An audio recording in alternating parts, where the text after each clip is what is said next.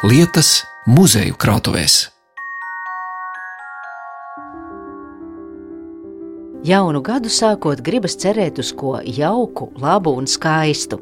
Lai arī zinām, ka ir nomainījušies tikai cipari kalendārā un dzīve rit tālāk, bet pa vidu kādam skarbai, kādam netik skarbai realitātei, tomēr ir vēlme noticēt, ka jauns gads vai jauna diena var sākties ar nelielu, kaut mikroskopisku brīnumu. Gadiem ilgi cilvēki jauno gadu sagaida ar cerībām un ilgām pēc kā laba, neparasta un skaista. To ļaudis gadumijā vēl cits citam, raksta apsveikumu kartītēs un droši vien klusībā kāro to paši piedzīvot. Par košām, bērnišķīgām un mīlestības pilnām kartītēm un ziemas sajūtu dzējā būs šis raidījums gan ar sniegiem, gan ar saliem, gan ar lauskiem skaļš, gads ir balts no abiem galiem un pa vidu zaļš. Tā rakstīja dzinieks Ojārs Vācietis, kura memoriālajā dzīvoklī cilāsim dzinieka ģimenei piedarošās eglīšu mantiņas un klausīsimies paša dzinieka izpildījumā dzējoli par sniegu bet Latvijas Nacionālajā bibliotekā lūkosim, kādas fotopastkartes uz Ziemassvētkiem un Jauno gadu gatavoja pašmāju fotogrāfi profesionāļi un amatieri, un kādas apsveikuma kartītes senāk tika kritizētas kā nepiedienīgas un laikmeta garam neatbilstošas. Savukārt Rīgas Jūgenstila centrā uzzināsim, ka pēc gadumijas apsveikuma kartītēs ir redzamas neaizmirstulītes tā ir eh, viena no importa pastkartēm. Un 20. gadsimta sākumā tā bija diezgan ierasta prakse, ka uz vietas varbūt tik daudz neizdeva, bet diezgan daudz importēja gan no Francijas, gan no Vācijas, un Itālijas, un Krievijas un citām valstīm. Bet tas, kā padarīja šo pastkarti tādu liederīgu mūsu kultūra telpai, tad nu iespieda šos sveicienus gan latviešu, gan vācu, gan krievu valodā, piemēram, priecīgu Ziemassvētkus vai priecīgu jauno gadu. Latvijas Nacionālās bibliotēkas mākslas krājuma atklātņu kolekcijas glabātāja, bibliogrāfe Līga Goldberga ir izlikusi uz galda kartītes. Daudzās no tām ir redzams jauns pārītis ziemas ainavā.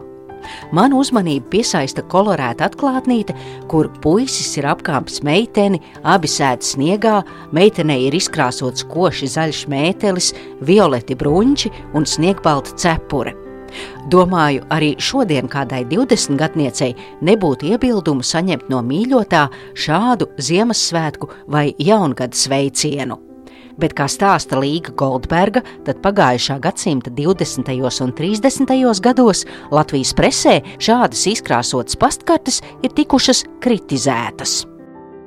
Es esmu palasījusi, ka neviena ir kritika par šīm romantiskajām pastkartiņām, kurās ir redzami sakļāvušies pārīši un šīs tāds kolorējums ārkārtīgi spilgts un šis ārzemnieciskais tāds vizuālais stāstījums.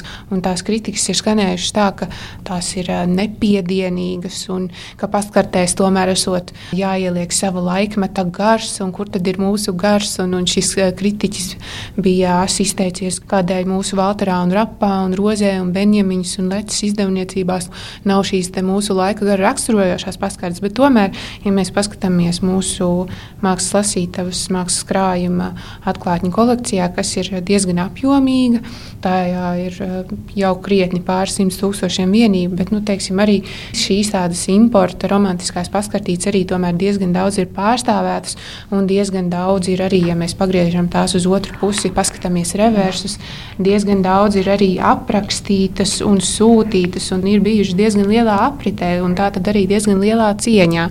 Tā kā šie pāris kritiķi varbūt ir uzķēruši kādu nelielu laika iezīmi, kas mums nu, no šī laika ir interesanti teiksim, pavērot šīs dažādos stāstījumus, bet tomēr pastkartiņu sūtītāji ir diezgan mīlējuši un cienījuši šī kolorētā kartīte, kur ir eh, tas jaunais pārītis sniegā, un jauneklis mīļi apkamps savu meiteni, un tur var lasīt ar acīm tālu, bet pats mūžīgi pie tevis.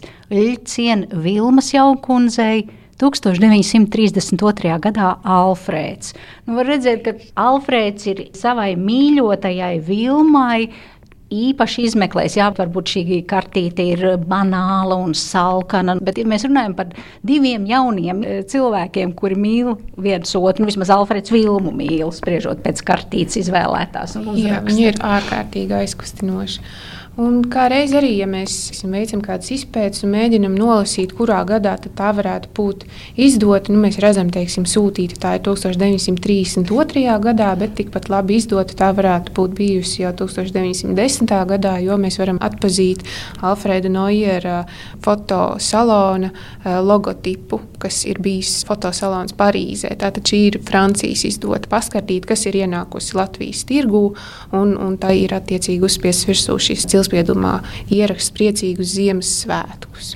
Nu, lūk, bet atbildot teiksim, šiem kritiķiem, kuriem vajadzēja laikmeta garu. Jā, kuriem vajadzēja laikmeta garu, nu, tad mēs varam izcelt varbūt, šādu ilustrēto paskartīti ar mājas zariņas celmiņas ilustrāciju. Mēs redzam mazus bērniņus, kā lelītes, ieģērbtus tādos kā tautiskos tērpos. Stilizētos eh, tautas tērpos, jā. latviešu tautas tērpos. Jā, jā. Spēlējamies ar uh, egļu mantiņām, un mēs redzam piparkūku sirdi un svecītes un egļu zarus un ārkārtīgi aizkustinošs uh, mīļš zīmējums.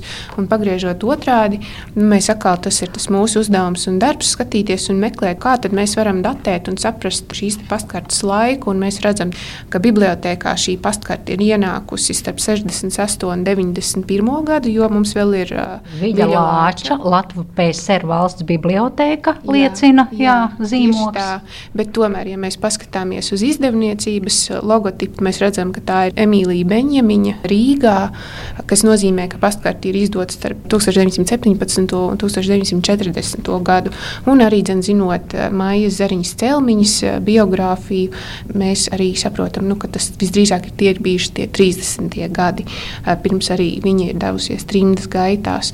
Un māja zariņa celmiņa arī dzen, ir teiksim, varbūt tāds interesants piemērs. Ja nu mūs sadzird pēkšņi kādi jaunie pētnieki, šī ilustrātora arī nav daudz pētīta, bet nu, klausītāji vairāk zinās viņas tēvu, grafiķi Rihardu Zariņu. Un Māja Zariņa arī dzen, ir bijusi uh, akvareļu gleznotāja un bērnu grāmatu ilustrētāja. Un 46. gadā viņa devās trimdas gaitās.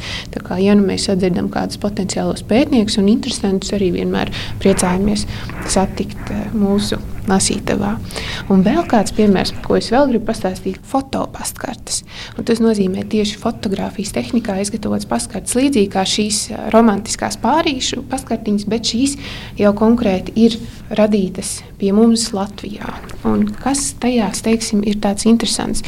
Ja mēs paņemam, palūkojamies uz šo Tā mēs apskatāmies, pataustām, mēs redzam logotipu arī dzēn iespiestu foto Jēma Angels, kuram ir bijusi darbnīca Rīgā, Tilta ielā.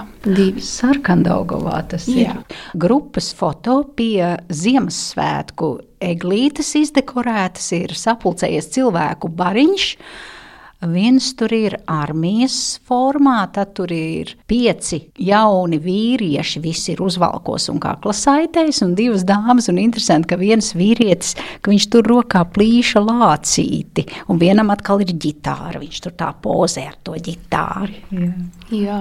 Nu, lūk, un patiesībā, ja mēs skatāmies šo attēlu, mēs redzam, nu, tas ir tāds diezgan pozēts, diezgan iestudēts, diezgan salānisks. Man teiksim, radās arī jautājums, ko man neizdevās atklāt, vai tās varētu būt bijušas kādas mājas svinības, uz kurām šis fotogrāfs ir atnācis uzņemt attēlu, vai arī tā ir fotografa studija, jo mēs teiksim, attēlu stūrī redzam arī šo galdiņu ar fotoalbumiem. Tā kā šis stāsts ir tāds neizdibināms. Un eh, jauki, ka jūs minējāt, Jā, Sarkandaugava. Viņa studija tā tad bija Sarkandaugavā, un tas neliels nelielais, reti zināmais stāsts par šo pastkarti arī dzen, ir tāds, ka tā ir piederējusi kādai poļu izcelsmes ģimenei, kas ir dzīvojusi Sarkandaugavā, un tā ir bijusi tāda kopiena, kas ir strādājusi Piniera rūpnīcā. Tas ir tas mazais zināmais stāsts, kas mums ir par šo pastkarti. Un, attiecīgi, šī īpašniece, kura atdāvināja šo pastkarti, viņa nevēlējās varbūt atbrīvoties no tās, vai nebija mantinieki, vai izmest, vai kaut kā tamlīdzīga, bet, nu, attiecīgi šī fotopastkarte ir nonākusi bibliotēkā.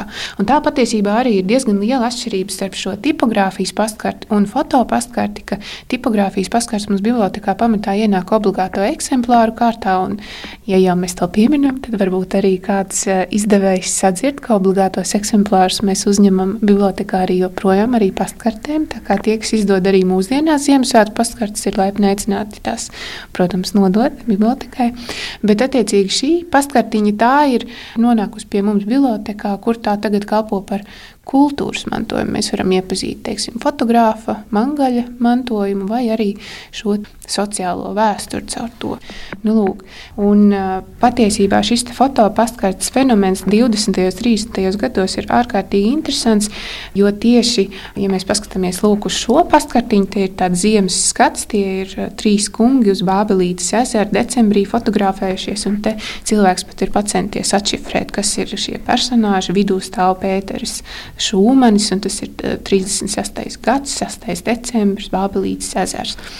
Un, ko mēs redzam? Mēs šeit redzam šo pastkartes formai īpaši iezīmēto vietu, pastmarkai un tekstam, bet mēs redzam arī šeit uzrakstu VEF. Tas nozīmē, ka VEF fabrika ir izdevusi arī dzēnu fotopapīru 30. gados, sākot ar 35. gadu. Un tas ir arī atslēga punkts, kas mums nereti palīdz datēt šīs pastkartes. Cik interesanti, jo man nesen izskanēja raidījums tieši par VF muzeja krātuves vērtībām. Es uzzināju, nu, ka viņi ražo visu, sākot no elektrospuldzītes līdz lidmašīnai, bet ka fotopapīra jā, arī. Jā, tieši tā, no 35. arī dzēna fotopapīra. Un 30. gados nevien VF, arī Argenta bija tāds fotopapīrs un, un, un citi foto izdevēji. Un kas ir, manuprāt, ārkārtīgi aizkustinošs fa faktors šajā visā, ka fotografija šajos 20. un 30. gados jau bija pieejama ne tikai šim fotogrāfam Mangalim, kam bija sava fotostudija, bet arī šiem fotoamatieriem, kas varēja uzņemt savus svētkus, savus piedzīvojumus, savus ziemas priekus, savas svinības pie eglītes, un tad ar mīļu sirdi, mīļu roku parakstīt sirsnīgu vēstuli, apsveikt svētkos un, un nosūtīt saviem tuviniekiem. Tātad šis fotografijas mēdījis jau bija tik pieejams, un arī pastkāša aprit bija brīnišķīgi tāda bagātīga.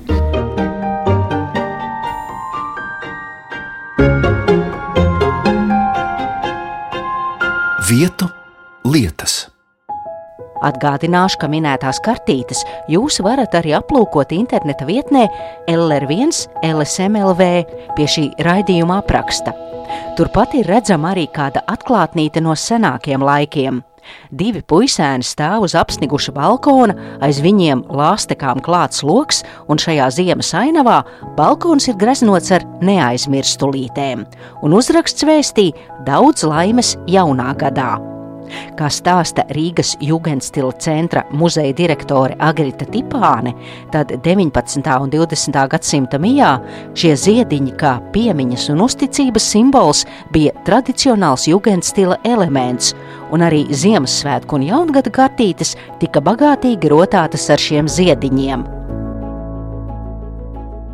ar ziediem. Ļoti daudz neaizmirstuļu, atkal simbolika. Neaizmirsti mani, atceries par mani. Es tev rakstu šo atklātnīti. Es nevaru pie tevis šogad ciemos aizbraukt, varbūt, ja, bet es tev rakstu. Un tad, tad ar neaizmirstulītēm. Neaizmirstulīte ir viens no tādiem ļoti, ļoti raksturīgiem elementiem. Bet arī ziedi kā eglīšu rotas bija ļoti, ļoti populāras. Mēs redzam divus puisēnus matrožu uzvalciņos, stāvam uz sniegota balkona. Var redzēt, tur ir uzzīmētas lāstekas, un fonā ir baznīcas tornis. Pulksteņa rādītāji ir uz 12, un tas balkons apsnigušais ir viss izrotāts ar neaizmirstulītēm.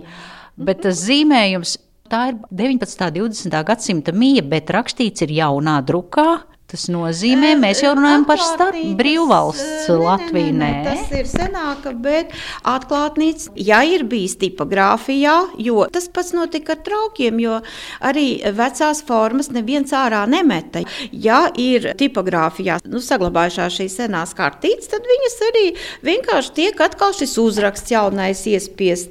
Un tad nākamā lieta, kas bija atkal tāda daudzās mājās, svaigie ziedi. Tas par sāpju violīs viņas plaucēja. Un, ja tāda zieda bija izplaucēta, tad viņus lika arī noteikti zem eglītes, pie eglītes, tas arī kā telpas rotājuma daļa.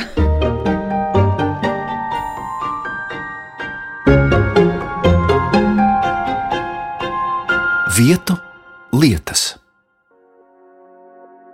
Bet dzinieks Ojārs Vācietis Brīžos, kad nerakstīja dzēju, no balta rakstām papīra un melna kopapīra grieza sniegpārsliņas. Ne lai rotātu māju jauno gadu gaidot, bet vienkārši tāpat, sava prieka pēc. Ziemas, sniega un gadumijas svētku mirkļus ejam lūkot dzinieka muzejā. Tā.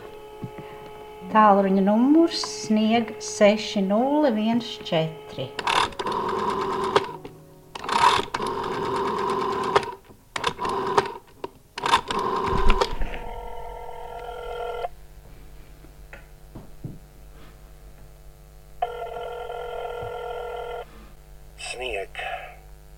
Mēs abi šodien ziemu sākam.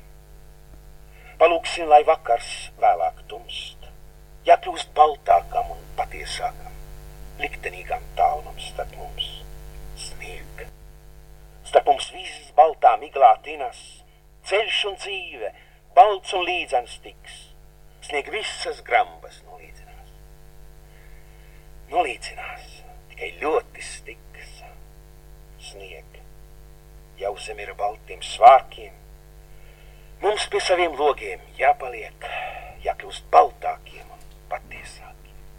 Snieg, cik tomēr ārprātīgi snieg. Lūk, svētku brīnums gadumīs šeit Vāciešu muzejā atnākot var, var piezvanīt pašam dzēniekam un tieši atbilstoši noskaņai šī laika arī par sniegu dzējoli dzirdējām un pa veco telefonu ar visu to griežamo ripu. Tā Ojārs Vācietis pat zvanīja, un tā varēja viņam piezvanīt. Nu, tādēļ mums arī gribējās izmantot šo atmiņu, lai mūsu apmeklētāji, tie, kas grib vācieti dzirdēt, var vācieti dzirdēt, un tie, kas grib atgriezties vietiņā pasaulē, kurā viņi nav bijuši, kaut mazu druscīti redzēt, kā reiz bija, kā varēja uzgriezt telefonā numuru, nevis nospiest podziņas. Sēžam dzinieka viesistabā pie galda, uz kura muzeja vadītāja Ieva Ķīse ir izlikusi kastīti ar eglīšu rotājumiem. Padomju gados ražoti čiekuri, putniņi, augļi, vecīši, kurus tolaik dēvēja par salatēviem, Šīs rotas Ojāra vācieša dzīves biedre, dzēniece un tulkotāja Ludmila Zārova un viņu dēls Žanis karināja eglītē, gaidot jauno gadu. Jo Žanis Vācietis atcerējās, ka viņiem mājā, šeit, šajā dzīvoklī, vienmēr bijusi liela egle līdz pašiem griestiem, un mantiņu bijis ļoti daudz. Jau muzejam darbojoties, mēs vienā tādā augstu novietotā skapītī, antresolā pamanījām tādas durtiņas, kuras gandrīz nebijām pamanījuši, un tur bija dažas tādas lietas noslēptas. Un arī šīs eglīšu mantiņas mēs atradām.